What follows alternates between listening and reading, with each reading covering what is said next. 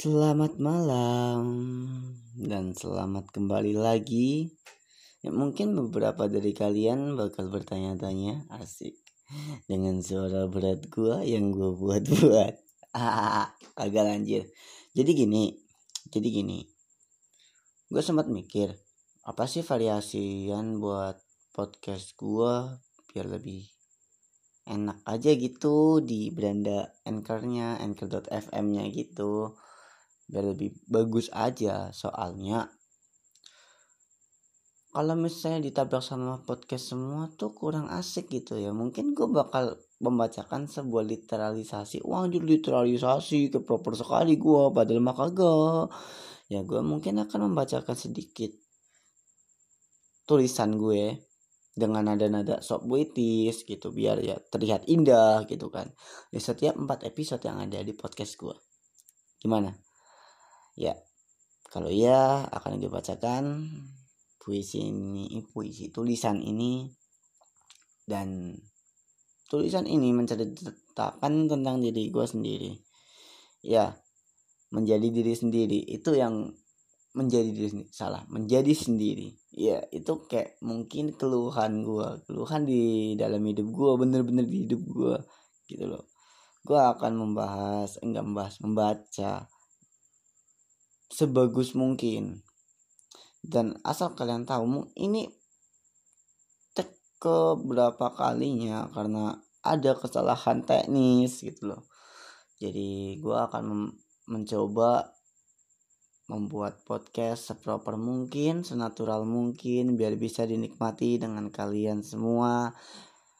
Sambil meminum kopi atau coklat hangat di sore hari di kala senja sambil merenungkan hidup kalian yang itu-itu saja. Ya. Sebelum itu dan seperti biasa perkenalkan nama gue Oyit dan mari kita berkeluh kesah menceritakan semua masalah di keluh kesah podcast.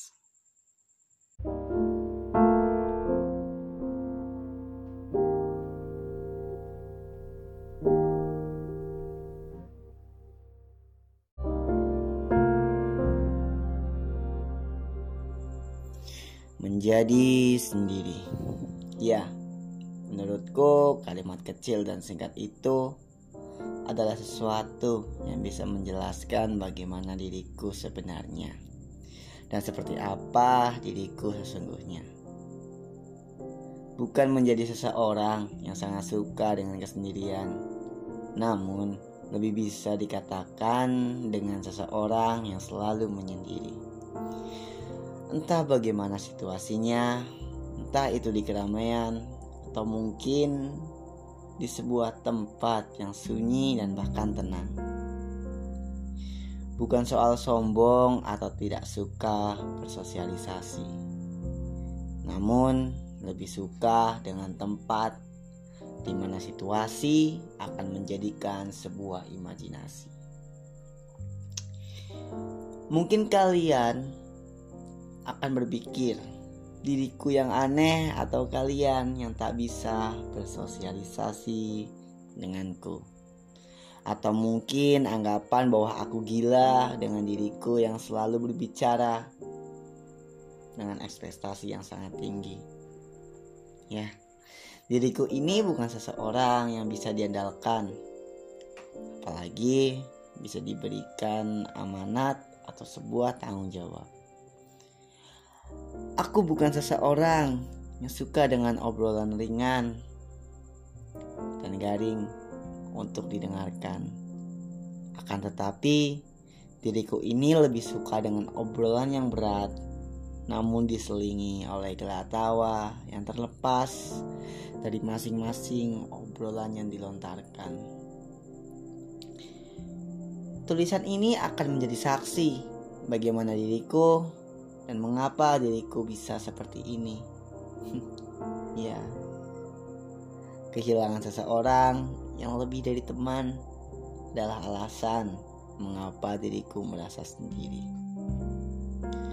Dan Mungkin bagi kalian itu adalah hal yang dilebih-lebihkan oleh diriku.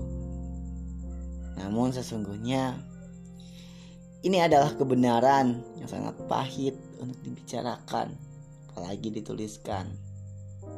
Ya. Mungkin sebagian dari kalian tidak akan paham dengan tulisanku ini. Namun, aku berharap kalian akan merasakan bagaimana perasaan yang aku berikan kepada tulisan ini. Rasa hancur dan sendiri, seperti halnya sebuah buku yang sangat usang yang tak pernah dijamah oleh seseorang lagi. Terima kasih.